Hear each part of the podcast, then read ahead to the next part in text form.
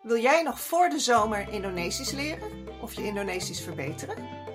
Kijk dan eens naar de taal- en cultuurcursussen van Balibound Academy. Alle cursussen staan online en er zijn cursussen Indonesisch op drie niveaus: spekhoek, lemper en rendang. Je kunt op elk moment met een cursus beginnen en de cursussen kunnen geheel in eigen tijd en tempo worden afgerond. Daarnaast geef ik af en toe ook live cursussen via Zoom en verder gaat ook mijn unieke doorlopende conversatieprogramma binnenkort weer van start. Nieuwsgierig? Houd mijn Instagram, Indisch Indonesisch, en mijn Facebookgroep Indisch en Indonesisch in de gaten voor updates. Of kijk in de show notes, direct onder deze podcast. Ayo!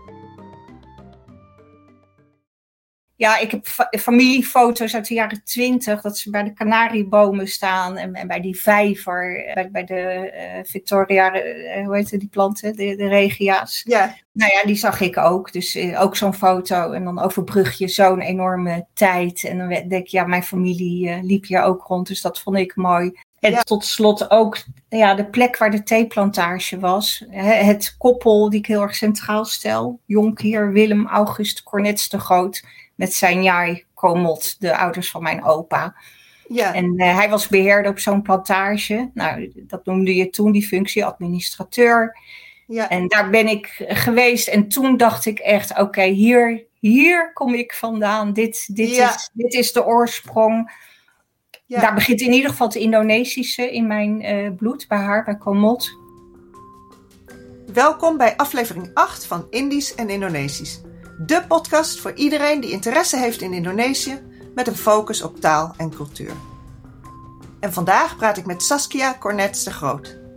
Saskia beschrijft zichzelf als vrouw, moeder en Indo. Daarnaast is zij een nakomeling van zowel de rechtsgeleerde Hugo de Groot en verschillende generaties koloniale bestuurders in voormalig Nederlands-Indië, als van een Njai, haar Soendanese overgrootmoeder Komon. De afgelopen jaren maakte Saskia een aantal reizen naar Indonesië om haar Indische achtergrond en geschiedenis beter te kunnen invullen. Haar ervaringen tekende zij op in het boek Verborgen Identiteit, een persoonlijk verhaal, Indische familiebiografie en koloniale geschiedenis in één, met Hugo de Groot, Komot en Sukarno. Het boek is een biografie over haar eigen Indische familiegeschiedenis maar het raakt ook aan grotere thema's, zoals kolonialisme, slavernij, de positie van de Njai en rassenonderscheid. En bovendien spreekt Saskia zich in het boek sterk uit tegen racisme, maatschappelijk onrecht en discriminatie, zoals die zijn voortgekomen uit het koloniale denken. Een terugkerend thema in het boek en in de podcast is Saskia's relatie met haar overgrootmoeder Komot, een Soendanese, als speciale toegift zal ik aan het slot van de podcast, met behulp van Ian, muzikant en moedertaalspreker van Bahasa Sunda, het Sunda's of het Soendanees, kort aandacht geven aan deze mooie taal. Blijf dus vooral luisteren tot het eind en vergeet niet dat Janti na de toegift alle in ons gesprek gebruikte Indonesische woorden nog eens zal uitspreken. Saskia stelt haar boek Verborgen Identiteit gratis beschikbaar aan belangstellenden. Meer informatie over waar je het boek kunt downloaden en over Saskia zelf is te vinden in de show notes bij deze aflevering. Ayo, kita mulai. Indisch en Indonesisch, seizoen 1, aflevering 8. Verborgen identiteit. Een stem voor. Met Saskia Cornets de Groot. Oké, Saskia, Ibu Saskia, van harte welkom bij de podcast Indisch en Indonesisch. Ja, dankjewel. Leuk dat je me hebt uitgenodigd. Ja, ontzettend leuk dat je hier bent. Je hebt namelijk een prachtig boek geschreven. Het boek uh, Verborgen Identiteit. Een persoonlijk verhaal, Indische familiebiografie en koloniale geschiedenis in één. Voordat we beginnen, want je bent zo, uh, zo vriendelijk om hier vandaag wat uh, meer over te willen vertellen en wat van je ervaringen te willen delen met mij. Zou je Ja. jezelf kort kunnen voorstellen? Wie is Saskia en waarom heb je eigenlijk dit boek geschreven? Ja, dat is een, uh, een mooie beginvraag, uh, Clarijn. Ik uh, stel me graag voor. Ik ben Saskia Cornets de Groot. Ik ben Indisch. Ik noem mezelf Indo. Dat, dat, vind, dat vind ik prettiger. Ik heb een Indische vader en een Nederlandse moeder. En ik zie er vooral Nederlands uit. Dat heeft alles te maken met waarom ik dit boek heb geschreven. En ook de titel Verborgen Identiteit. Hè. Want aan mij zie je niet direct dat ik Indisch ben. Ik zie er, ja, denk dat mensen mij toch echt wel als Nederlands zien. Dus dat is altijd raar als je zelf iets voelt, maar je wordt niet als zodanig herkend. Ja, ik zie het wel hoor trouwens, maar goed, dus misschien... ja, soms zijn er Indo's die het zien of mensen uit andere buitenlanden, maar Nederlanders niet. Dit, dat is ook, ik weet niet precies uh, hoe dat zit. Indo's herkennen vaak Indo's, dat, daar heb je helemaal gelijk in. Ja. Ik heb wel een DNA-test gedaan, ik wilde gewoon weten hoe het zat. En er zitten zoveel vermengingen ook, dat zullen ook veel Indo's uh, herkennen. Van ja, hoeveel procent heb ik nou eigenlijk uh, Indonesisch bloed? Dat is in mijn geval een kleine 20 procent. En daar was ik eigenlijk best wel blij mee, dacht ik. Nou, ik vind dat, dat, dat vind ik nog heel uh, fors. Dat ben ik in het kort, uh, wat het Indische betreft. Ik ben 40 jaar samen met mijn uh, geliefde. We hebben een zoon, Sven, en aan hem heb ik het boek opgedragen. dat is het bruggetje naar waarom ik dit boek heb geschreven. Ja. Ik heb het vooral uit nieuwsgierigheid geschreven. Hoe zat het nou met die Indische familie, vooral vanwege dat Nederlandse uiterlijk, denk ik. Ik wilde er gewoon veel meer van weten. Wat was Nederlands-Indië? Mijn vader kwam uit Indië, ik had geen idee. Uh, het kwam bij ons eigenlijk ook helemaal niet ter sprake uh, thuis. Uh, leefde mijn opa daar echt en mijn vader en, en waar dan en hoe dan? Dus ik wilde vooral veel weten. Ik was heel erg nieuwsgierig, niet per se naar identiteit, maar heel erg naar die achtergronden. Ja. En die wilde ik ook doorgeven aan, uh, aan mijn zoon. En ik denk, nou, dan hoeft hij het later allemaal niet uit te zoeken. Dat is ja, ook ja, uh, makkelijk. Overigens ook voor mijn uh, nichtjes en verdere familie uiteraard. Ja ik, ik wilde er ook echt naartoe. Hè. Het, het, het zien, de plekken bezoeken, dat heb ik drie keer gedaan. Ook uh, een deel daarvan met, met mijn zoon, met Sven. Ja. En, uh, en ik kwam daar erachter ja, dat er ook een hele andere kant is. Dat in de musea de, de vrijheidsstrijd tegen de Nederlanders, de belanda-agressie, zoals dat daar genoemd wordt. Ja. Wat wij de politionele. Ja, of agressie, ja, zie je. Even goed te volgorde. Ja, en, uh, maar ook de monumenten op straten, de, de, de mensen die een rol hebben gespeeld, uh, de, de helden van Indonesië, die kwam ik daar ook allemaal tegen. Ja, ja dus dat maakt denk ik het boek ook zo interessant, hè? want je begint eigenlijk bij jezelf, maar nou ja, daar komen we zo ook wel op. Er komen eigenlijk hele grote thema's die raken aan, aan jouw eigen persoonlijke geschiedenis. Ja, hè? ja. ja, ik kwam erachter dat je het niet los van elkaar kunt zien. Ik kan niet schrijven voor een, uh, een, uh, een Jappenkamp bijvoorbeeld. Waar, waarom was die daar? Ja. Waarom kwamen de, de Indo's uh, naar Nederland toe? Waarom hebben we hier zoveel Indo's? Waar, wie zijn ze? En ja, dat heeft zoveel met de geschiedenis te maken.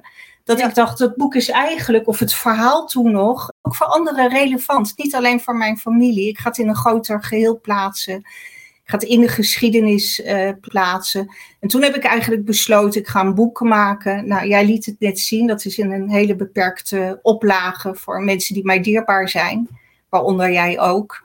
En, uh, maar ik ga het vooral digitaal delen, omdat uh, je altijd hoort, we weten zo weinig van Nederlands-Indië, ook van de Indo. Ik wilde echt het Indische perspectief toevoegen naast de Nederlanders en de Indonesiërs, waar het vaak over gaat. Ja. Maar wij zijn van beide. Dat, dat, dat wilde ik ook echt, echt laten zien. Dus die kennis uh, vergroten over Nederlands-Indië en de Indische uh, mensen, maar ook het maatschappelijk debat voeden. Want het is dan uiteindelijk toch ook wel politiek. En je weet, er wordt heel veel over gesproken. Kolonialisme, 45, 49, een bloedige oorlog. Ja, uh, Slavernij, al die thema's, uh, uh, ja, die kom je dus eh, in, het, in het boek tegen. En ik vind het fijn om die te delen. En ik heb een bepaald perspectief. Het heeft met rechtvaardigheid en geen discriminatie te maken. Ja, ja. En ik hoop, ja, als mensen door het boek ja, ook nou, dat tot zich nemen of erover nadenken of reflecteren, dat, dat, dat zou ik een enorme winst vinden. Ja, absoluut. Ja, en je bent ook echt die geschiedenis ingedoken om zeg maar jouw verhaal van een context te voorzien. Ja, ja, klopt. Um, je bent een directe afstammeling hè? van een hele belangrijke Nederlandse rechtsgeleerde, Hugo ja. Groot. Ja. Uh, een schilderij hangt achter je, geloof ik. Klopt. Een belangrijk thema in zijn, in zijn leven en misschien ook in jouw leven, maar dan leg ik je woorden in de mond, dat was vrijheid. Hè? En, ja. ja. zou je kunnen aangeven op welke manier hij nou ja, belangrijk is geweest bij je zoektocht naar je uh, Indische identiteit? Ja. Ja, ik zeg dan meer zoektocht naar Indische geschiedenis. Hè, maar die vult natuurlijk wel uh, mijn identiteit, absoluut. Nou, ik ben eigenlijk begonnen uh, met het teruggaan naar wanneer ging de eerste Cornets de Groot naar Nederlands-Indië. En dat was in 1815. Dus hij viel daar buiten. Maar ik dacht, het is toch ook wel een beetje raar als je van zo'n man afstamt om dat dan niet te noemen. Ik denk, ik moet toch uh, met hem beginnen. Ja. Uh, hij, zo, zo, word, zo word je groot. En je weet altijd, ja, die Hugo de Groot, dat was een verre opa. En dat was een belangrijke man. Verder, verder wist ik er ook niet veel van. Maar toen bleek, toen ik me daarin ging verdiepen, dat hij van alles te maken had met de VOC. Daar werkte hij ook voor, voor, voor de VOC. En dus toen had ik opeens wel weer heel veel raakvlakken met hem. En dat, dat vond ik heel mooi. Aan de ene kant wordt hij er wel van beticht. Uh, jij hebt aan de wieg gestaan van het kolonialisme met alles wat jij bedacht hebt. Aan de andere kant, zoals jij zegt, daar voel ik me meer mee uh, verwant, staat zijn leven persoonlijk, maar ook in zijn geschrift heel erg in het teken van vrijheid. Ja. En wat ik eigenlijk geleerd heb, is ook van zijn biograaf Henk Nellen, die heeft me daar uitgebreid over verteld. Hij leefde in de 80-jarige oorlog. We waren in de oorlog met Spanje. Hij wilde zich daarvan bevrijden dat was heel erg fundamenteel. En hij wilde eigenlijk ook de oorlog in de Oost voeren met uh, Spanje. En daarvoor had hij een theorie nodig. Dat is zijn beroemde boek uh, De Vrije Zee geworden. Mare Librum. Iedereen mag over die zee varen. Niet alleen Spanjaarden en Portugezen zoals dat in die tijd geregeld was. Maar dat was dus in de drang naar vrijheid van Spanje. Uh, maar de VOC profiteerde daar natuurlijk van, want die kon toen ook over die zee varen. Ja, ja dus daar zaten ook twee kanten aan ja, eigenlijk. Ja, en die, ja, die wilden daar de specerijenhandel uh, monopoliseren. Overigens hebben ze met de verdiensten daarvan ook weer de oorlog tegen de Spanje gefinancierd. Dus dat is ook wel weer uh, apart. Ja. Dus vrijheid zit bij Hugo de Groot sowieso in die vrije zee hij is van allemaal. Hij is ook echt de grondlegger van dat soort denken. Een mondiale wereld, volkerenrecht, zeerecht. Dat komt allemaal bij hem vandaan. Hij had een, een geloofskwestie met prins Maurits in die tijd. Uh, daardoor is hij in uh, de gevangenis beland. Johan van Oldenbarneveld is toen onthoofd. Uh, ik ga dat niet allemaal vertellen wat die geloofskwestie is, maar hij was wel voor vrijheid en verdraagzaamheid en verschillende geloven naast elkaar. Ja, en als dat nou allemaal verdraagzaam was, dan konden ze als eenheid optreden tegen Spanje. Ja. Dus dat, dat, dat had nog, ook daar weer uh, mee te maken. En tot slot heeft hij zichzelf natuurlijk bevrijd uit slot Loevestein met een list van zijn vrouw. Maria van Rijgensbergen, met in die boekenkist die daar op dat schilderij staat, die scène. Ja, dus het, was, ging ook over persoonlijke vrijheid. Hij had een tragisch lot, je moet hem echt zien als politiek vluchteling. Er was in die tijd geen vrijheid van meningsuiting in Nederland. En je werd gewoon, je kon hier, hij kon hier niet meer wonen. Hij heeft zich er ook nooit mee kunnen verzoenen. Ja. Uh, hij was uh, verbannen, dus hij heeft grote offers uh, moeten brengen voor zijn gedachtegoed.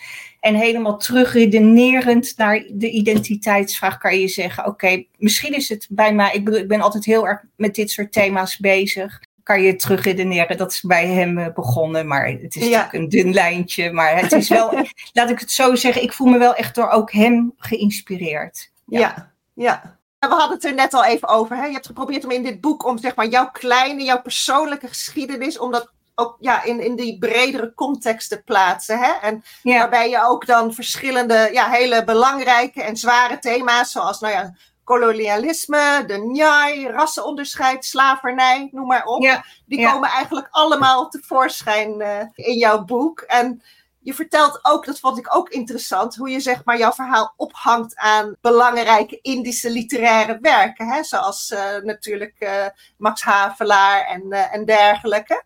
Ja. En tijdens je reizen viel me op dat je dus ook naar bepaalde eh, gebieden bent gegaan. Onder andere plekken die we kennen uit de literatuur of natuurlijk uit de geschiedenis. Hè. Zo ben je geloof ik begonnen in, in, in Banten, waar de eerste uh, schepen aankwamen. En je bent naar Bandung geweest, naar Bogor. Ik weet dat Bogor ook een belangrijke plek in je hart heeft, hè, het vroegere buitenzorg. Ja, zeker. Um, Lebak natuurlijk, uit, uh, ja. uh, nou, dat kennen we allemaal van Multatuli.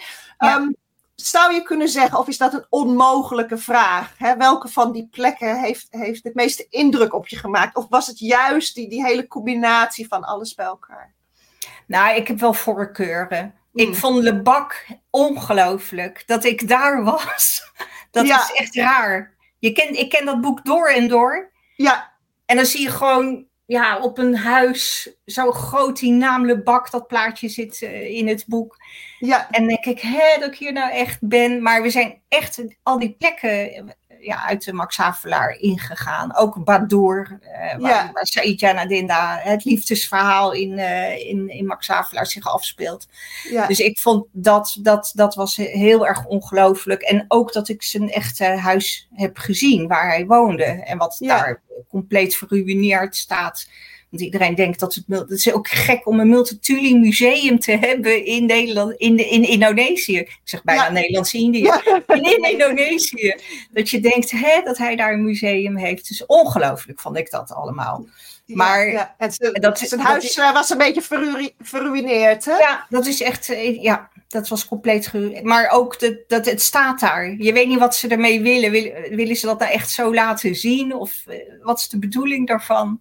Ja. Maar ja, ik heb, ik heb het gezien. Het was bijzonder. Want het was gewoon een man die wij daar eh, tegenkwamen. Die al die plekken kende. Dus ik zeg, hè, kunnen we echt naar Badoer? Ja, nee, maar ik ga wel mee. Ik ga jullie allemaal de weg wijzen.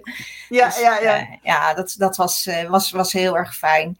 Je bent ook op zoek gegaan naar een buffel nog, hè? Eh, geïnspireerd Ja. door het verhaal van uh, Ja. Nadinda. Ja. Ja. Ja, en dat was ook heel gek, want ik, denk, ik dacht, stik daar natuurlijk van de buffels, de, de, de karbouw. Maar die waren daar op een of andere manier helemaal niet. We hebben enorm moeten zoeken. Ik weet niet of jij ook wel eens over die, eh, die spekgladde dijkjes Ja. tussen de sawas hebt gelopen. Doodeng. ja, dat is niet makkelijk. Nee, en die kinderen die, die lopen er zo door. Maar dat was een hele aardige vrouw. En dat komt een paar keer in mijn boek voor. De- Een soort van vriendelijkheid en onbaatzuchtigheid die ik echt ongekend vind. Dat ken ik niet in Nederland. Mm, ja, dat ze ja, dan, ja. Ik werd bij haar uitgenodigd. Soendanees, Komot, komen we straks op. Mijn overgrootmoeder was ook Soendanese. ja, In zo'n Soendanees huisje. Dat ik denk, hè, en dat gebeurt dan precies in Badoer. ja, En dat ongelooflijk. vond ik zo bijzonder. En toen zei ik, ja, die karbouw. Nou, oké, we gaan eh, die karbouw zoeken. Dat heeft echt een uur geduurd door de, door de sa prachtige groene sawa's. En dat hele dorp liep uit. En iedereen naar ons kijken. En, en uiteindelijk vonden we er één. Maar Ja. hij staat afgebeeld. Maar dat was wel, eh, dat was wel heel erg fijn. Ja. Het was meer de zoektocht ernaar dan de... Ja, ja, Ja. ja. Maar de, de, dit is natuurlijk heel erg, eh, wat ik veel lees qua van literatuur, eh, bijzonder. Maar plekken die bijzonder zijn, zijn natuurlijk vooral ook eh, persoonlijk. Hè? Eh, Ja, Jakarta, mijn eerste kennismaking. Want Banten ben ik niet als eerste geweest, maar wel de Nederlanders. Maar is, want die reizen gaan kriskras door het boek. tuurlijk, ja. En eh, chronologisch aan de familiegeschiedenis. En Maar Jakarta, ja, daar, daar, dat waren mijn eerste beelden. Die straatverkopers met zo'n, hoe heet dat, een picolan geloof ik. Zo'n zo'n Ja, ja, met, met koopwaar. En, eh, Ja. en de stalletjes. En gewoon mijn eerste beelden, die waren in, in Jakarta. Daar, ik, daar hou ik enorm van. ja. Groot proclamatiepark, maar daar ga ik nu allemaal niet vertellen. Maar Nee. dat heeft heel veel betekenis. Eh, Ja, voor mij echt een belangrijke plek waar ik graag ook weer naartoe terug wil. Wil ik elke keer zien. Eh Bokor inderdaad, een Nederlands begraafplaatsje daar. Eh, en ik heb, ik, heb ook eh, aarde meegenomen voor over mijn eigen kist. eh, vandaar. Om- Van, om eh, dat- van eh, de, de plantentuin in Bangor, geloof ik, hè? ja, want Ja, dat is best Raya. bijzonder dat. Ja, ja, zo voel ik dat dan ook echt. En Ja, ik heb familiefoto's uit de jaren twintig, dat ze bij de kanariebomen staan en, en bij die vijver, bij, bij de uh, Victoria, uh, hoe heet die planten, de, de regia's. Ja. Nou ja, die zag ik ook. Dus uh, ook zo'n foto. En dan overbrug je zo'n enorme tijd. En dan denk ik, ja, mijn familie liep hier ook rond, dus dat vond ik mooi. En ja. tot slot ook ja, de plek waar de theeplantage was. Het koppel die ik heel erg centraal stel. Jonkheer Willem August Cornets de Groot met zijn Jai Komot, de ouders van mijn opa. Ja. En uh, hij was beheerder op zo'n plantage. Nou, dat noemde je toen die functie, administrateur. Ja. En daar ben ik geweest. En toen dacht ik echt, oké, okay, hier, hier kom ik vandaan. Dit, dit, Ja. is, dit is de oorsprong. Ja. Daar begint in ieder geval het Indonesische in mijn eh, bloed, bij haar, bij Komot. Ik heb nog een andere overgrootoma, ook met Indisch bloed. Maar daar heb ik dat gevoel niet op die manier bij. Ja. En later bleek dat het een andere eh, administrateurswoning was eh, van de buren, zeg maar. Maar Ja. ik heb het daar echt zo eh, gevoeld. En ik heb ook in het boek geschreven, ik ga niet terug om dan weer wel het juiste huis te vinden. Dat- dit is Nee. helemaal eh, goed. Maar dat was ook wel een hele dierbare plek. En ook gewoon die theestruiken die je dan voor het eerst ziet. En, Ja. en dan heb je al zo vaak over thee gelezen. En, en dan zie je Ja. ze ook echt. Dan sta je daar middenin. En dan het sta nou je daar middenin. Ja. ja. En of het precies dat huis is, dat is dan niet meer zo belangrijk. Nee, Het is meer nee. het gevoel dat je heel dicht, Ja, dichtbij ze bent. En je had het al even over Komot, hè? want dat is een heel belangrijk personage in je boek. En ik denk ook wel eh, een belangrijk persoon in je leven. ja. Zou, zou je iets meer over haar kunnen vertellen? Ja, ja, ik wilde haar ook echt een podium geven. Hè. Ze staat ook op de voorkant van mijn boek en ook in de Ja. ondertitel. Naast eh, de grote helden eh, Hugo de Grote Sukarno. En Sukarno. denk ik eindelijk ook Komot erbij. Waarom zij belangrijk is, het heeft eigenlijk ook wel heel erg met mijn vader te maken. En de verhalen die ik over haar hoorde.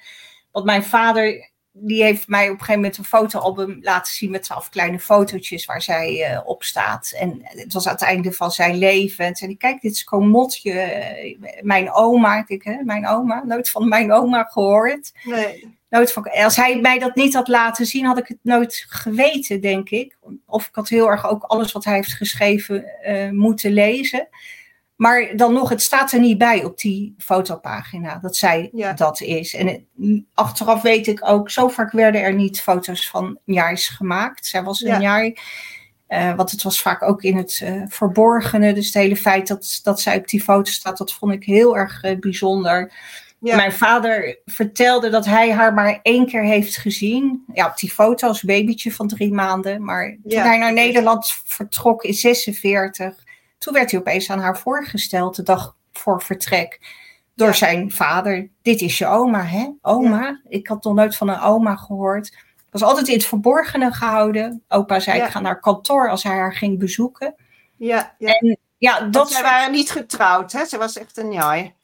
Ja, ze waren niet getrouwd. Eh, ze zijn heel lang samen geweest tot zijn dood. Wel, wel 30 jaar, geloof ik, uit mijn hoofd. Ik denk dan, ja, misschien als ik Reki Bar lees, je kent hem over de jaar, was er wel, wel sprake van een liefdesverhouding. Want ze zijn Ja. zo lang samen geweest. Hè, er waren juist die een ernstiger lot hadden. En, Ja, eh, ja. Maar zij niet. Tot zijn eh, overlijden is ze bij hem geweest. Maar goed, de regels waren wel, als je erkend werd door de Nederlandse vader, dat heeft bij mijn opa heel lang geduurd, tot zijn Ja. Dan moest een jaar wel ondertekenen dat ze afstand van haar kinderen deed. En dit soort onrecht, eh, dat gaf mij heel veel gevoel voor haar. Die gelaagde samenleving en zij met dit soort verhalen, eh, hè, ze werd verborgen gehouden, ze heeft haar kleinkinderen niet zien opgroeien. Dat sprak mij enorm aan, want Clarijn, aan de andere kant stam ik af van Cornets de Groten, die Ja. aan, de, aan, de, Euro- ja, aan, de, aan de top zaten van het koloniale bestuur. Ja. En Ja. dat maakt mijn leven, eh, mijn identiteit heel interessant. Eh, Ja. Want die zit ook in mij. Maar ik spreek me in het boek ook al heel erg uit voor die Indonesische kant. Dat, dat, dat, daar heb ik echt veel meer eh, mee. Misschien, misschien ook door mijn politieke denken of vanuit medemenselijkheid. Dan denk ik, wat, wat, wat een ongelooflijke rare situatie met Komot. En, Ja. Maar die, be- die betekenis eh, heeft ze echt voor mij. En ik was dan ook elke keer blij als ik iets van haar in, in een... uh, trouwakte of zo, er stond haar naam. En dan denk ik, oh, ze heeft echt bestaan. En, ja. Je hebt haar echt een stem willen geven, hè? Misschien ja, het idee van het verborgen. Het zit natuurlijk in de titel van je boek, Verborgen Identiteit. Maar zij werd ook een beetje natuurlijk verborgen gehouden. En, ja, dat is helemaal waar. Ja, ja. ja. en Nu, nu niet meer. En nee. Ik denk dat mijn vader en mijn opa daar heel erg blij mee geweest zouden zijn. Ja, ja. toch een eh, beetje een soort van rechtsherstel voorkomen dan. Een beetje wel. Ja, een klein beetje, ja. ja. ja. Zin om verder te praten over onderwerpen die in de podcast Indisch en Indonesisch aan de orde komen. En om andere mensen te ontmoeten die een bovengemiddelde interesse hebben in Indonesië. Word dan lid van onze Facebookgroep. Zoek naar Indisch en Indonesisch en meld je aan. Je kunt mij ook volgen op Instagram. Alle links staan in de show notes bij deze podcast. Ayo!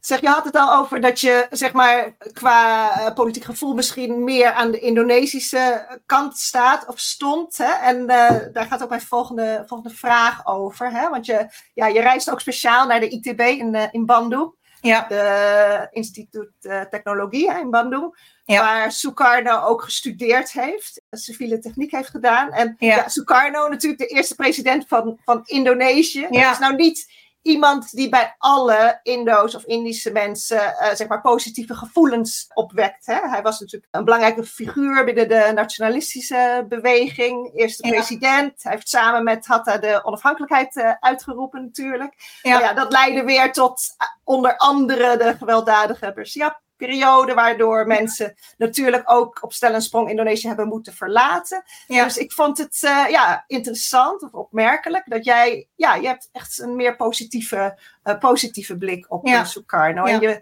gelooft dat je je ook politiek wel wat meer verwant met hem voelt. Zou je, zou je dat kunnen toelichten? Ja. Nou ja, kijk, ik, ik, ik ben opgevoed wel door mijn vader, die al zei, wat deden wij als Nederland in Indonesië? Dat, daar begint de hele vraag. Wat, wat, hoe, hoezo zaten wij daar? Kijk, ik heb ook heus sentimenten. Als ik daar een Nederlands woord zie, denk ik, oh wat leuk. ja, zo ben je ook, ik weet het niet, zo heb je ook ontwikkeld of zo is altijd het discours geweest. Maar toch ook wel die kritische noot, wat, wat, wat deden wij daar? En hoe meer erover leest. En al die gewelddadigheden van de laatste vier jaar, die zijn er door de eeuwen heen geweest. Het is altijd gewelddadig geweest, altijd repressie, dus ook altijd opstand geweest. Ja. En hoe meer ik daarover uh, over lees, hoe overtuigd ik daarvan word. En, en nog steeds, uh, maar dat voert allemaal veel te ver. Dus nog steeds heel veel ongelijkheid in de wereld wat uh, hieruit voortkomt.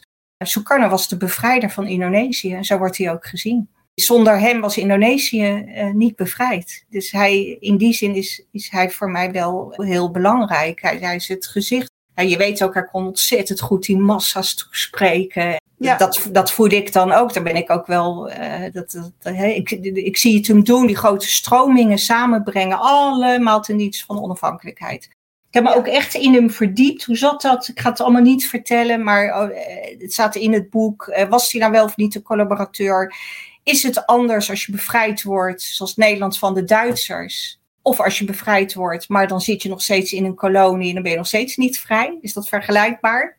Ik ben toen ook naar dat instituut gegaan. Hij was toen wereldleider, president van Indonesië. Het was een grote conferentie van Aziatische en Afrikaanse landen in Bandung. Ook het bewustzijn van gekleurde mensen tegen rassendenken, tegen kolonialisme, voor wereldvrede waar de hele beweging van de niet gebonden landen uit voort is gekomen. Dat was een belangrijke gebeurtenis.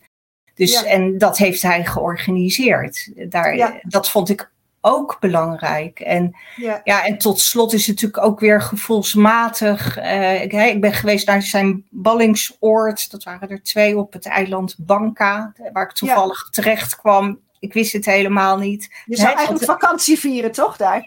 Ja, ik wilde gezellig naar het strand. Ja, maar er zat de hele politieke top, Hatta ook, van de Republiek uh, Indonesië. En eh, die zat daar gewoon gevangen. Was helemaal aan het eind, hè, vlak voor de Ja. soevereiniteitsoverdracht. Daar vond je ook een Nederlands, eh, Nederlandse spreuk, toch? Ja, op het Van hotel. op Banca begint de victorie. Dat vond ik heel bijzonder. En het klopt, want na Banca zijn ze vrijgelaten en konden ze terug naar Yogyakarta, waar de president woonde, en wat toen regeringsstad was in de republiek. Dus het is ook echt naar Banca, dat was ook echt de laatste internering eh, geweest. Mhm. En nou ja, ik liep daar eh, rond en ik zag, hij, liep, hij was daar in die ruimtes ook geweest. Ik, ik, ik vond het heel bijzonder. Zijn, Ja. bureau, zijn bed. Gewoon echt als gevangene daar. Later werd het een onderhandelingsoord over de bevrijding en de soevereiniteitsoverdracht. Maar goed, hij was daar toch gevangen. Ja, En, voelde je eh, daar vrij dicht bij, bij hem, geloof ik, hè? Ja, ja ik heb Ja. daar echt een historische sensatie meegemaakt. Dat even de tijd wegvalt tussen nu en toen. En ja, ik zat op een stoel, had hij ook opgezeten. Nou ja, Ja, Het was wel een replica, maar, maar dan nog. En toen dacht ik, ja, ik voel me nu heel dicht bij je. En later heb ik ook het geprobeerd een beetje te psychologiseren. Misschien heeft het wel te maken met mijn lieve opa, die zo vroeg is overleden, waar we allemaal zo verdrietig over waren. Ik Ja. zag in Indonesië in alle jongetjes mijn vader en ik zag in Sukarno mijn opa. Je Dus opa. dat, ja, dat, dat is wat, wat ik dan doe, snap je? Dus dat, Ja, ja. dat- dan komt die bevolking dan en ook Sukarno eh, dichtbij. ja, zo kwam er echt nog een extra dimensie eh, bovenop, Ja. zeg maar. Ja. Ja. Tijdens een van je reizen doe je ook, eh, doe je ook Sumatra aan. Hè? Dus we hebben al even Ja. over Java gepraat. Sumatra natuurlijk ook een heel groot eiland. Je had het al over Banka. Hè? Eh, Ja. En je opa heeft daar lange tijd geloof ik voor de Indische PTT gewerkt. Ja, klopt. Ehm, onder andere in Padang en Palembang. Ja. Ging je met een bepaald doel nog naar Sumatra en heb je eigenlijk daar gevonden waar je naar op zoek was? Ja, nou, ik had er twee reizen voor nodig, omdat Sumatra zo groot is en die plaatsen waar hij werkte zo verspreid. Want ik ben ook in Bandar Lampung, Tuluk Betoeng heette dat toen, dat is in het zuiden.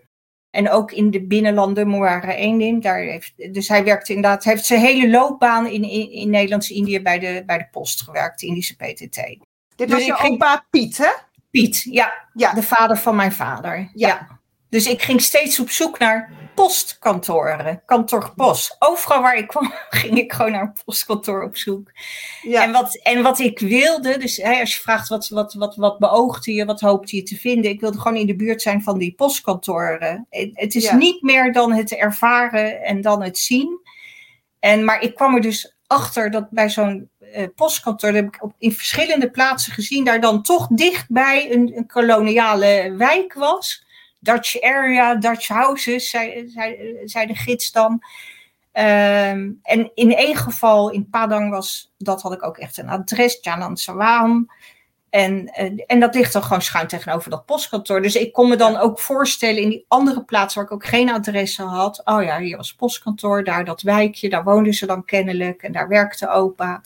En dan Ja. kan ik me dat zo eh, voorstellen. En die, eh, en die sfeer eh, proeven en, en, en opstuiven. Dus ja, dat, dat is heel erg gelukt. Ik ben ook nog naar Boeketingi geweest voor te kok vroeger. Ja. Mijn vader daar ook eh, veel verbleef. En hij heeft daarover geschreven. Hij wilde er zelf naartoe, nooit meer van gekomen. Ja, Ik heb ook mooie dingen gezien. Maar ook tot slot eh, Sumatra, de Minangkabau, hè, dat, dat volk, West eh, Sumatra, die, die belangrijke politici hebben voortgebracht, waaronder Hatta en Shagir. ja, absoluut. Ja, en die, die zijn door de Nederlanders geïnterneerd geweest in strafkampen in Nieuw-Guinea en de Molukken. En daar heb ik me ook heel erg in verdiept. Shagir die daar prachtig over geschreven heeft. Ja, En ik heb het geboortehuis van Hatta daar bezocht. Dus voor mij is, is Sumatra ook wel het eiland van politieke helden. En je merkt ook wat verschil tussen die twee en Sukarno aan de andere kant, die eh, uit Java kwam. ja, ja, ja. ja. Dus dat, dat maakt het voor mij wel weer wat gelaagder allemaal. Het, gevoel van Sukarno voor het volk wordt wel gezegd. Eh, deze twee, Shakir en Hatta, die hadden ook in Nederland gestudeerd. Eh Sukarno niet. Die hadden misschien toch meer ook iets met mystiek. Nou ja, dat, ik, ik raak het even aan, Ja, eh, precies. die ja. verschillen. Ze vulden elkaar aan natuurlijk Ja, als eh, Ja, maar ze waren ook niet altijd elkaars vrienden, zeg maar. Nee, nee, nee. Nee. Ze hebben maar ze gingen wel voor dezelfde strijd. Hè? Absoluut. En dat is gelukt natuurlijk. En dat is uiteindelijk. Ja, ja, ja, ja. En jouw opa Piet, die ging uiteindelijk weer naar Java. Ik geloof dat je ook ergens schreef dat ook omdat hij het zo druk had, dat jouw vader, dus zijn zoon, ook wel vaak bij zijn grootouders een Ja. tijdje werd ondergebracht. ja, En ik vond het zo leuk, want op een gegeven moment dan is hij nog een, een klein jongetje van, ik geloof, een jaar vier. En dan moet hij een tijdje bij zijn grootouders verblijven. En dan komt hij terug en spreekt hij alleen maar Soendanees. Heb ik Ja, dat goed klopt. gelezen? ja, Ja. klopt. Ja. Ja. Dat is dan bij de andere eh, grootouders, de, de ouders van mijn oma. Eh, Ja. Adriana en, en Oene heten ze. Ze waren zelf niet Soedanees. Hij was een Fries, Oene Haagsma. Zij ja. kwam uit Oost-Java, de andere kant van het eiland. Ngawi uit mijn hoofd. Ja, En daar zijn ze ook eh, getrouwd. Maar ja, Boker ligt midden in ja, wat vroeger het Soenanese koninkrijk was. Dus daar, daar werd Soenanees eh, gesproken. Maar, Ja. maar mijn andere o- overgrootmoeder Komot was dus wel Soendanees. Dus Ja, Soendanees ja, ja. breng ik dan weer in verband met haar. ja, ja. En ja, mijn grootvader die beheerste gewoon tien talen, polyglot. Ja, ja ik Waaronder zag het, ja. Ook Bahasa, Javaans, Soedanees. En met al die talen, ja, dan denk je, oké, wat, wat, wat vond hij dan van al die talen? En hij schreef stukjes in toenmalige tijdschrift Tong Tong, wat nu eh Moeson is. Ja. En, en ja, dan vind ik zo'n zinnetje, dan word ik heel erg blij. Soedanees is de lieflijkste aller talen, even uit mijn Ja. hoofd. Mijn grootvader Piet. En dan denk ik, wat lief, want dat is gewoon de taal van zijn moeder, het Soedanees. Dus hij sprak ook Hongaars en Italiaans, alle moderne talen. Maar het Soedanees, dat was dan, dat vond Dat hij was- dan de allerlieflijkste taal. Ja, dat vind ik heel erg mooi. Ja. ja. Wij kennen elkaar omdat je bij mij Indonesisch ooit hebt geleerd. ja. Denk je dat je ooit je aan het Soendanees wil wagen? Of... Nou, laat ik eerst eens beginnen met Bahasa Indonesië. Om dat weer op te pakken. Als, eh, hè, je weet, ik was zo druk met het boek. Dat, eh, dat ging ook helemaal niet eh, samen. Dat, je kan niet alles. En, en Nee, naast het werk. Maar ik zag bijvoorbeeld bij dat Multituli Museum, Lebak, woorden, ook op het hek en zo, denk ik, hè? Want dat zat helemaal niet in, in, de, in de translator. Maar Ja. dat was Soendanees. En toen dacht ik, Ja. ja, tuurlijk, ik vind het wel heel mooi. Maar ik, ik zou er wel wat meer... Ik weet bijvoorbeeld over Javaans met dat hoog-laag. En ik zou best wel aan jou een keer willen vragen... zit dat ook in het Soendanees? Of dat zelf Ja. opzoeken? Snap je? Maar eh, niet, niet om het zelf... Nee, want ik wil echt wel nog wat beter de taal leren. Want dat is de, een, dat is de manier om, om daar te zijn. En, en, Ja. en contact Ja. met het land en de, en, en de mensen te hebben. Dat is de taal. Ja, Dus, absoluut. ja. eh, En, en het, ik- het Soendanees is natuurlijk toch, wordt, het, het is wel een grote regiotaal, hè? zo 30, uit mijn hoofd zo'n 30, 40 miljoen mensen Ja, die, het, eh, ja. die het spreken. Ja. Eh, maar goed, het, het Indonesisch is natuurlijk de overbruggende nationale taal. Klopt, Dus inderdaad, als je met iedereen wil spreken, dan kan je beter het Indonesisch eh, eerst leren, in ieder Ja. geval. ja. En over jouw vader, hè? sprak hij Soendanees, dat je weet? Nee, nee. Hij sprak Maleis en hij kwam daar. Waar was dat? Ergens op een vliegveld, Singapore. Ik weet het niet. Toen hoorde die eh, taal en dacht hij, hey, ik herken wel dingen, maar niet. Nou, Bahasa, hij sprak het niet. Maar Nee. hij heeft natuurlijk wel ja, heel veel woorden. Ik denk wel dat hij het kon volgen. Ja, Maar goed, hij, in hij is wel gehoord, natuurlijk. Ja, en, maar kijk, zoals heel veel Indo's, hij werd Europees opgevoed. Hij mocht helemaal niet met de jongetjes in de kampong eh, praten. Ja, hij, kon ja, het, ja. hij kon het wel.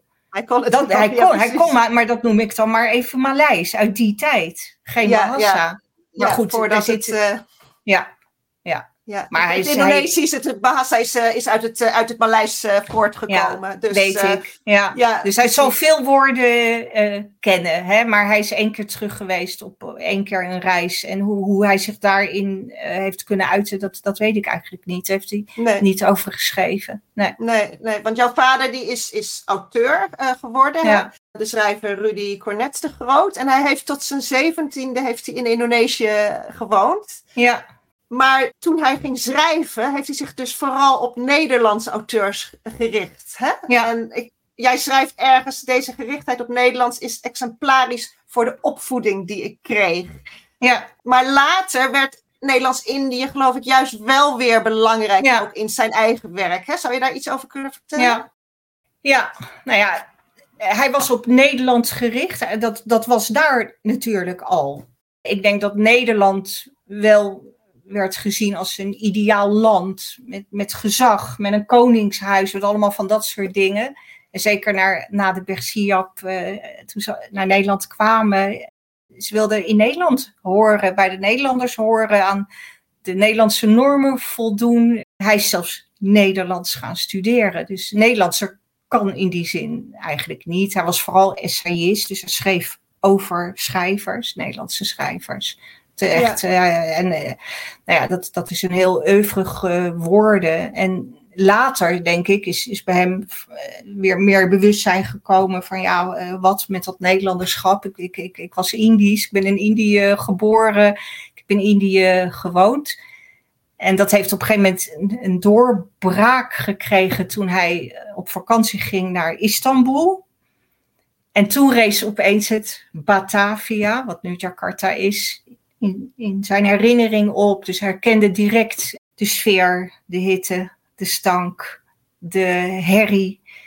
In uh, Istanbul was dat? In Istanbul, ja. maar ook de geur van jasmijn en het zingen ja. van de krekels. En toen kwamen alle herinneringen naar boven uit zijn jeugd. Zijn vrienden, de meisjes, de verschrikkingen, de gruwelijkheden, de extases. Alles kwam toen naar boven. En daar heeft hij zijn roman Tropische Jaren over geschreven, waar ik rijkelijk uit geciteerd heb. Ja, ja, ja. Daar he, ook over de oorlog en uh, hoe was het in, in Bandung en wat heb je gemerkt van de Bergsiap. Dat, daar staat dus heel veel. Dat is dan in een romanvorm, maar het gaat wel degelijk over zijn leven. Dus zo, zo is het gegaan. En, en later was hij, denk ik, uitsluitend. Hij was bezig met een biografie over Speenhof, de zanger, liedjesmaker. Speenhof, omdat hij exemplarisch was voor de Nederlander in Nederlands-Indië in zijn jeugd. En daar heeft hij al een boekje over geschreven. Maar hij wilde ook echt een biografie schrijven. Daar ging hij zich heel erg in Sukarno verdiepen, daar weer over lezen. Maar hij is te vroeg overleden, dus daar, daar is het meer van gekomen. Jammer. Dus, maar hij was toen, en ik vond ook, ja, ik noem het voor Indische, misschien betekent het letterlijk iets anders, maar hij, zijn spraak, Indische uitspraak, ja, hij werd helemaal Indisch. Hij zag er ook Indischer uit, voor je gevoel. Ja, vond ik wel. Ja. ja. ja. En hebben jullie in die tijd ook meer over Nederlands-Indië gepraat? Of was dat niet een onderwerp? Nee, nee, nee. maar kijk, ik heb hem lang uh, niet gezien vanwege ja. de scheiding. En, en toen zag ik hem weer wel, na, na een aantal jaren, na 13 jaar. En toen is hij heel snel ziek geworden. Ja. Dus we hebben toen nog maar uh, korte tijd gehad. Vandaar dat, dat met dat fotoalbum, waar, waar we het in het begin van het gesprek over hadden, dat, dat is echt belangrijk geweest. Omdat we toen gewoon allebei voelden, uh, je bent nu iets hier aan het doorgeven aan mij. En straks ben je, ben je er niet meer. Ja, daar was het ja. ook zo belangrijk. Ook, ook zo'n plaats waren één in. En uh, alleen al die namen. Ik had, nog, ik had nog geen les van jou gehad. Dus ja, ja, ja. magisch klinken. Toen dacht ik, oh, Moara één daar moet ik ook echt heen. En uh, nou ja. Dus uh, ja, zo, is, zo. is toen ook bij jou het idee ontstaan van, nou, ik, ik zou wel Indonesisch willen leren? Kwam, had dat ook te maken met het fotoalbum en de woorden te zien? En... Nou, ik was op een gegeven moment en dat is nog steeds zo, uh, bijna uitsluitend met Indonesië en Nederlands-Indië uh, bezig. En ja. ik, ik ben het gaan doen na die drie reizen, bij jou uh, de lessen gaan volgen. Ik had het liever iets eerder gedaan, want dan had ik iets ja. meer kunnen zeggen dan alleen maar terima kasih en apakabar. Ja, nou ja, zo gaat het. En, en, ik, maar ik dacht wel van, ik, ik wil zo graag, ik wil gewoon even ook begrijpen hoe de taal in elkaar steekt. Maar ook als, je, als ik nu foto's kijk en er staan teksten op een winkel of zo, denk ik, oh ja, nou weet ik wat er staat. Of ja, de openingstijden ja. van een museum. Het, ja. Alles was even echt wel vreemd. Je hoort heel vaak Indo's zeggen, ik kwam helemaal thuis. Nou, ik vond het allemaal heel anders. Dat was de eerste keer. En de derde keer, toen voelde ik me ook echt steeds fijner daar. En, en, en heerlijk. En met al mijn bloed uh, volledig. En, ja. Uh, en toen dacht ik, ja, ik wil volgende keer wil ik echt ook meer ook kunnen praten. Ja. Ja. ja. Dus het is ja. eigenlijk daarna, daarna gekomen. Ja. ja, dat je het Indonesisch wilde, wilde oppakken. Ja, zeker. Ja. Ja. En dat heb ik ook met, dat weet je misschien, maar echt met heel veel plezier gedaan. Ja, ik, ik vind het ook, ik vind het moeilijk, maar ik vind het geeft zoveel meer inzicht. Dat is moeilijk uit te leggen. Hè? Dat zit met Ja. de taal Ja, in, eh, in, in, in, in de mensen. En ja, en, en dus, nou ja, dus ook veel herkenning, veel woorden. Dus ja, het heeft me heel veel gebracht hoor, die, eh, de taal. Ja, ja, fijn. En ga je, ga je nog een keer terug? Is dat het plan om nog een keer terug te gaan? ja. Ja, ja, ik twijfel nog over wat ga ik dan doen. Ga ik dan gewoon er naartoe en zonder allerlei bagage van roetsreizen. Aan nog de een keer andere die vakantie op het strand misschien? Ja, bijvoorbeeld. maar waar ga ik dan heen? En aan de andere kant zit er nog heel veel familiegeschiedenis in dat oosten, Nagawi, wat ik net vertelde. Ja. Eh, maar ook die eh, generatie in de 19e eeuw, die, die waren, daar waren allemaal plekken waar ze dan assistent-resident waren of, eh, of actief. Ehm, en Sukarno, die heeft daar geloof ik zijn begraafplaats, Blitar. Dus daar, daar heb je de plaats van Couperus, waar de Stille Kracht zich afspeelt. ja. Dus, maar ja, dan ga ik weer, want dan, dan krijg ik weer zo'n reisschema. Maar de kans zit er wel in dat ik dat toch ook wel heel graag wil zien. Ja. Ik hoef er geen boek meer over te schrijven. Ik wou net maar- zeggen, Nee, misschien komt er nog... Nou, zeg nooit nooit, hè? je weet het nooit. nee Maar- dat, Dat is ook... daar heb je gelijk in. Ja, ja, maar ja, de vraag naar hoe Indisch je bent, hè? dat Ja. was eigenlijk de startvraag bij het schrijven van je boek. En Klopt. je schrijft aan het eind dat je, daar, ja, dat je daar wel in je opzet geslaagd bent, dat je daar wel een antwoord op hebt. Hè? Ja, Ehm, kan je nu beter invulling geven aan die, aan die term ja. Indisch, ja, voor jezelf? Kijk, ik, ik zei altijd, ik ben 100% Indo. Want dat zijn alle Ja. vermengingen. Weet je wel, 50-50, eh, maar ook 99-1. Het gaat om de vermenging. En je- het is vooral ook een gevoel. Dus je kunt met 1% Indonesisch bloed, kun je gewoon zeggen, ik ben Indo, ik voel me Indisch. Maar bij mij, eh, het, had, het was gewoon nog niet geladen. Het was nog helemaal niet ingekleurd. Eh, ik had dat witte uiterlijk, had een Nederlandse opvoeding. Nou ja, dan kom ik weer terug op die nieuwsgierigheid. Hè. Niet ben ik Indisch, maar hoe zit het dan? En Ja, door wat ik allemaal weet, is dat Indische gevoel gewoon zo versterkt. Ja, Eh, het is helemaal geladen nu. Ik weet nu gewoon wat, wat het betekent. Ik heb er beelden bij, ik heb er verhalen bij. De Indische geschiedenis, die ook in andere Indische gezinnen hoort, die, die, die, die, dat was bij ons dus ook zo. ja, Ja. Eh, ook op de vlucht naar Nederland. eh, ook in een jappenkamp, zoals ze genoemd werden. eh, Ja. dat, dat, dat soort dingen. Maar niet alleen verschrikkingen. Het, het heeft mij ja, veel meer inhoud gegeven. Waardoor ik nu ook zeg, hè, dat is natuurlijk ook een, een, wat ik gethematiseerd heb. Die kleur of het Indische uiterlijk. Van nee, oké, het, is, het is goed. Ik hoef niet meer het Indische uiterlijk te hebben. Ik weet nu voor mezelf, en zo voel ik het ook, hoe het zit. En een soort erkenning van buitenaf daarvoor, dat, dat valt dan eigenlijk weg. ja, Dus het heeft Ja. mij wel meer gebracht dan dat ik dacht. Want ja, daar, dat, dat, dat hoefde niet per se of zo, maar dat is er wel uit voortgekomen. Hè? En ik werkte ook in het In- Indische Museum, Sofiehof, waar ik vrijwilliger ben. Een grote Indische gemeenschap aan, eh, aan vrijwilligers. Dat ik ook niet meer heb van, hè, ik wou dat ik er net zo uitzag als jullie. Nee, het is, Ja. het is helemaal goed. Ik heb mijn boek, ik heb mijn familiegeschiedenis, ik heb het begrepen. Ik heb, eh, ik heb ze allemaal ontmoet en ontdekt. En, eh, ja. en, en ik kom daaruit voort. Ja. Ja, ja, goed. Ja. Wil jij gratis een klein beetje Indonesisch leren? Meld je dan aan voor mijn online minicursus. Compleet met tekst, uitleg en korte video's. De link staat in de show notes onder deze podcast. De minicursus is gratis, geheel vrijblijvend en online. Dus je kunt er meteen mee beginnen en hem in je eigen tijd volgen. De cursus is geschikt voor complete beginners en een leuke manier om een klein beetje Bahasa Indonesia te leren. Ayo. Ik heb nog eh, één vraag, maar daarvoor nog even een soort van snelle ronde. Jouw Ja. eerste eh, reactie ehm, voor drie korte vragen. Soto Ja. ayam of erwtensoep? Zo Tarjan. Goeie. Ik geloof dat je op veel plekken altijd de Soto Ayam wil altijd. proeven. Klopt dat? Ja. Altijd. Ja, elke dag weer. Ja. Dus Zelfs dagelijks daar. Ja. Alhoewel die je wel in Indonesië kan krijgen op bepaalde plekken. Dat vind ik dan weer heel grappig, die erwtensoep. Ja. Ook, ook zo dat woord. Ja. Uh, nee hoor, Soto Ayam. Ja. Heeft overigens ook alles met mijn vader te maken. Maar ja, dat ik is de liefde dat je goede daarvoor. herinneringen hebt hè, aan het Ja. maken van Soto Ayam. Ja, klopt. Ja, maar ik vind het ook gewoon lekker hoor, Clarijn. heel goed, Ja. heel goed. Ehm, Spaans of Indonesisch? Ja, het is geen vergelijk. Spaans is, eh, heeft ook echt, ik kom net terug uit Malacca, ik ben daar vaak. Ik spreek de taal veel beter dan Bahasa. Ik, ik denk, ach, ik wou dat ik het zo kon spreken daar, zo makkelijk. Eh, ja, ja, Ik was ook veel jonger toen ik het leerde. Misschien dat Ja. dat ook een rol speelde. Ik ben dol op Spanje, maar dat, ja, het is ook niet echt, ja, het is meer vakantie. Indonesië is gewoon geen vakantie. Dat is gewoon ook wie Nee. je bent. ja, ja, ja, ja. Ja. Ja, oké, dus geen keuze daar.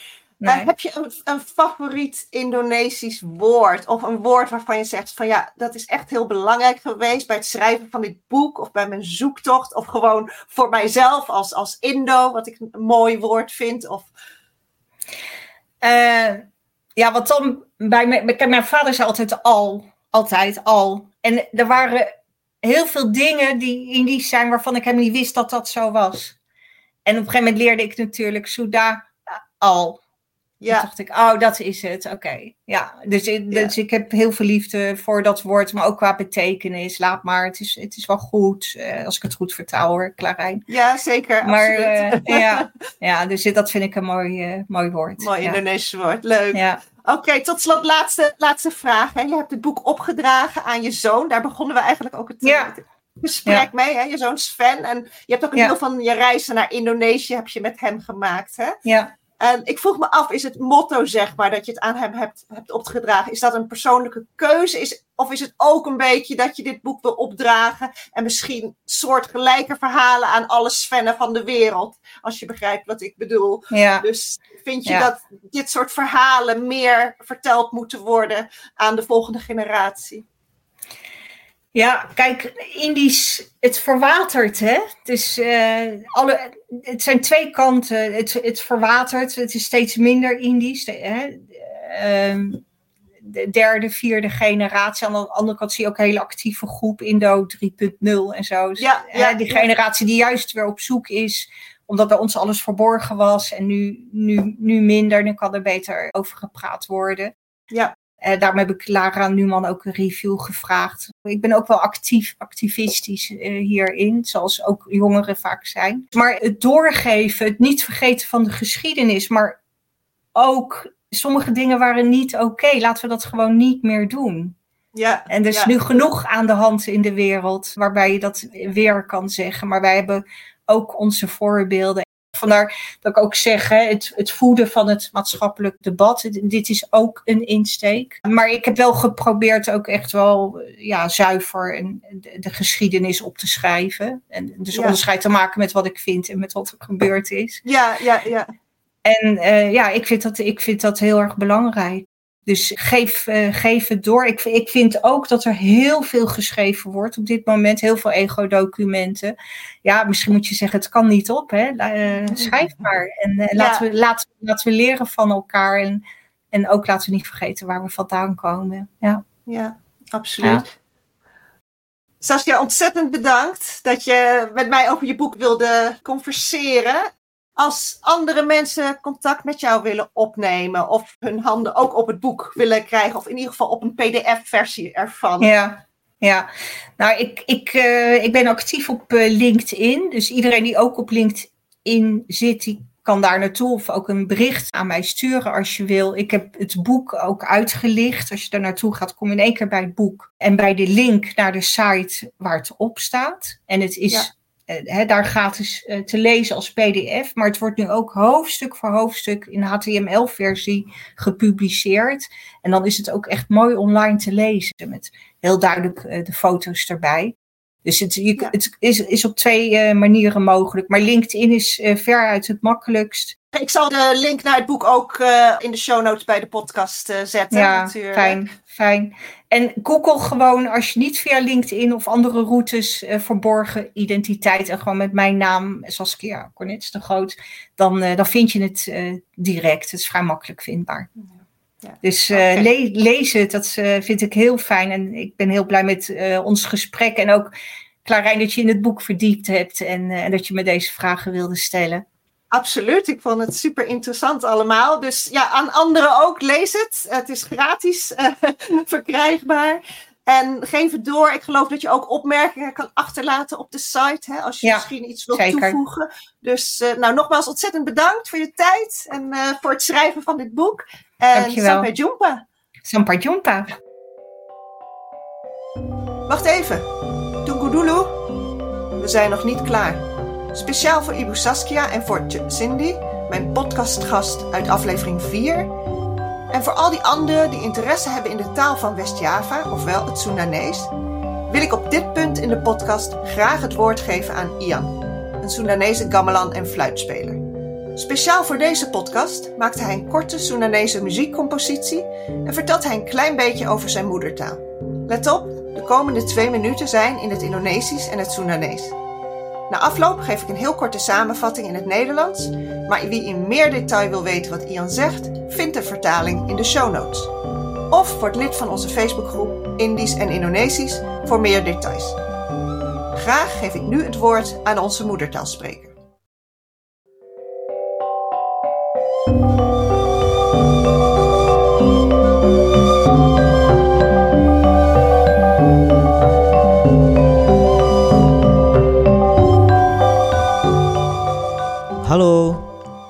Nama saya Ian. Saya orang Sunda. Bahasa Sunda itu bahasa ibu saya. Saya senang mendengar bahwa Ibu Saskia juga tertarik pada bahasa Sunda.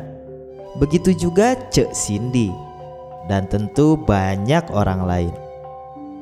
Bahasa Sunda banyak dibicarakan di Jawa Barat, misalnya di kota Bandung bahasa Sunda digunakan oleh lebih dari 30 juta orang sebagai bahasa ibunya. Nah, ini beberapa contoh bahasa Sunda. Kalau apa kabar dalam bahasa Sunda? Kumaha damang? Jawabannya dalam bahasa halus, pangestu, sae. Ucapan terima kasih dalam bahasa Sunda hatur nuhun.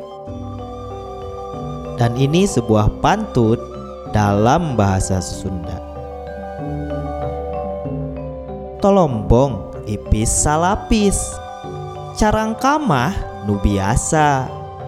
Ngomong Inggris menitapis. Hanjakal Sunda teu bisa.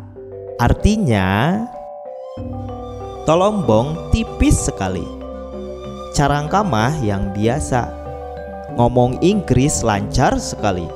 Tapi sayang, bahasa Sunda nggak bisa. Pantun yang kedua. Di luhur ayah bandera. Bandera gambar panda. Nah kuring kudu era. Pan iya teh bahasa Sunda. Artinya, di atas ada bendera. Bendera gambar panda. Kenapa saya harus malu? Karena ini juga bahasa Sunda. Sekian dulu. Mudah-mudahan Anda suka belajar sedikit tentang bahasa Sunda. Terima kasih atas perhatiannya. Hatur nuhun kangge sadaya perhatosana.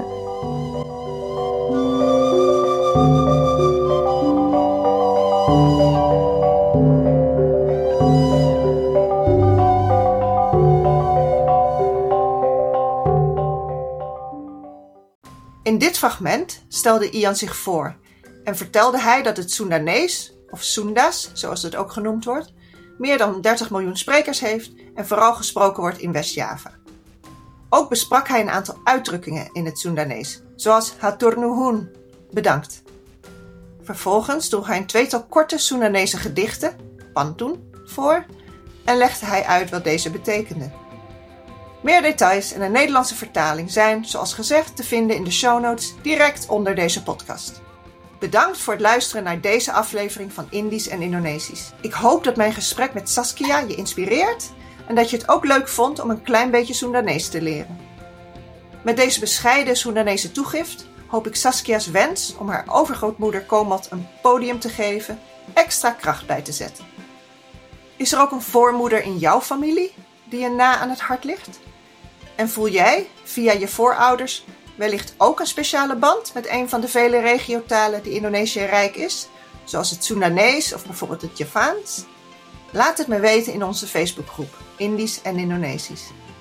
En wie het boek van Saskia gratis wil downloaden of op zoek is naar een vertaling van de Indonesische Soendanese passage met Ian, verwijs ik nogmaals naar de show notes, direct onder deze podcast.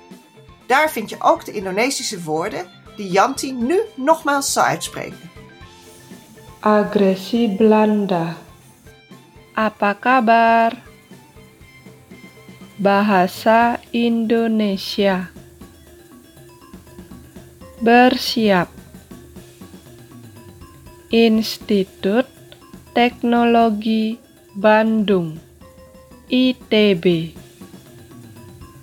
Kantor pos. Kebun.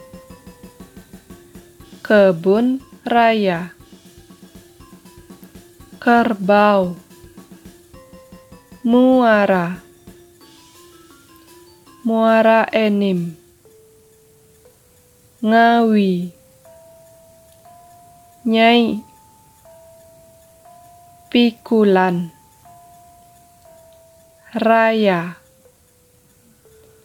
Republik Indonesia. Sampai jumpa. Soto ayam. Sudah. Teluk. Teluk betung. Terima kasih. Nogmaals bedankt voor het luisteren naar Indisch en Indonesisch. De podcast voor iedereen die interesse heeft in Indonesië met een focus op taal en cultuur.